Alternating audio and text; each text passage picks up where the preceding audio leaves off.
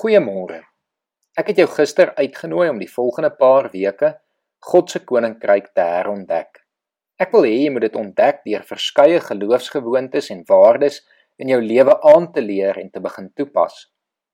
Meeste van ons optrede kom vanuit gewoontes en daarom is dit so belangrik om seker te maak ons het geloofsgewoontes in ons lewe in plek wat ons optrede bepaal eerder as wêreldse gewoontes. Hierdie gewoontes en optredes behoort jou oë oop te maak vir 'n alternatiewe manier van leef binne God se koninkryk.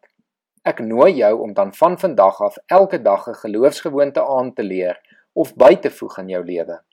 Om hierdie gewoontes toe te pas elke dag sodat jou lewe stelselmatig meer in lyn met God se koninkryk is en al minder met die wêreld sal wees. Van die gewoontes en waardes gaan vir jou bekend wees en ander gaan onbekend en uitdagend wees.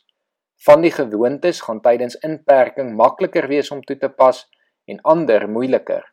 Maar ek hoop en bid dat jy die Heilige Gees sal toelaat om deur elkeen in jou te werk. Vanoggend wil ek hê ons moet gesels oor die geloofsgewoonte of dissipline wat seker die maklikste in 'n tyd van inperking toegepas kan word. Afsondering of alleenheid. Die Engelse woord beskryf dit vir my mooi. Solitude. Hierdie is een van die gewoontes wat ons baie sterk by Jesus aantref. Hy het gereeld homself in alleenheid afgesonder om met God te praat. Die gedagte is dat jy elke dag 20 of 30 minute sal neem en jouself van alles en almal sal afsonder om met God tyd te spandeer. Om seker te maak daar is niks wat jou aandag weg kan vat nie. Hierdie is 'n geloofsgewoonte wat op verskillende maniere en verskillende tye toegepas kan word. Jesus het homself byvoorbeeld vir 40 dae in die woestyn gaan afsonder voor sy bediening begin het. Baie gelowiges het al in sy voetspore gevolg met besonderse verhale van hoe God in sulke tye met hulle gewerk het.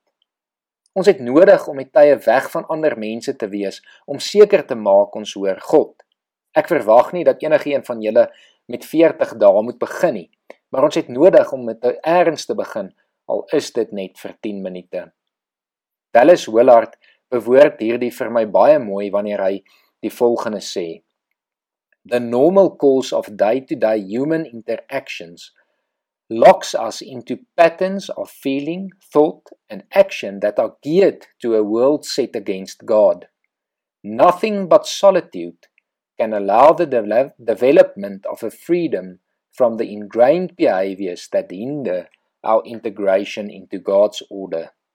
As ons werklik vry wil kom van die gebroke stelsel waarbinne ons leef, moet ons onsself afsonder daarvan en onsself oorgee aan God se teenwoordigheid. Dit is daar wanneer dit net jy en God is, wat God werklik met jou kan werk, waar jou siel kans kry om te praat, waar jy gekonfronteer word met jouself en waar God aan jou kan begin vorm. Hierdie is natuurlik nie maklik nie, maar dit is so goed en nodig vir ons. Dit is hier waar jy nie afhanklik van mense is nie, maar alleenlik afhanklik van God. Ek wil jou aanmoedig om vandag te begin deur jouself van alles en almal af te sonder en in stilte by God te gaan sit vir ongeveer 15 minute. Verduidelik aan jou gesin en familie wat jy wil doen en vra hulle om jou die tyd te gun. Sit jou foon en enigiets anders wat jou aandag kan trek af of weg van jou af. Ek sluit af met 'n bekende aanhaling uit Psalm 46 vers 11. Wees stil en erken dat ek God is. Jy is welkom om presies net dit vandag te gaan doen. Kom ons bid saam. Here, ek kom bid vir elkeen van ons wat die keuse uitgeoefen het om die volgende paar weke weer opnuut te kyk na u koninkryk. En Here om die geloofsgewoontes en dissiplines wat u self in u lewe toegepas het en vir ons kom wys het in ons eie lewens te begin toepas. Here sodat ons op die ou einde u voetspore sal volg. Here sodat ons op die ou einde nader sal beweeg aan die manier wat u wil hê ons moet leef eerder as die wêreld. Here, ek kom bid dat U vandag by elkeen van ons sal wees, dat U die tye wat ons in afsondering gaan spandeer saam met U Here dat U dit sal sien, dat U daar met elkeen van ons sal werk. Here daar waar dit vir ons moeilik is en uitdagend is, Here, dat U deur U Gees ons sal versterk en by ons sal wees en ons sal seën met U vrede en teenwoordigheid. Ons bid dit in Jesus Christus se naam alleen. Amen.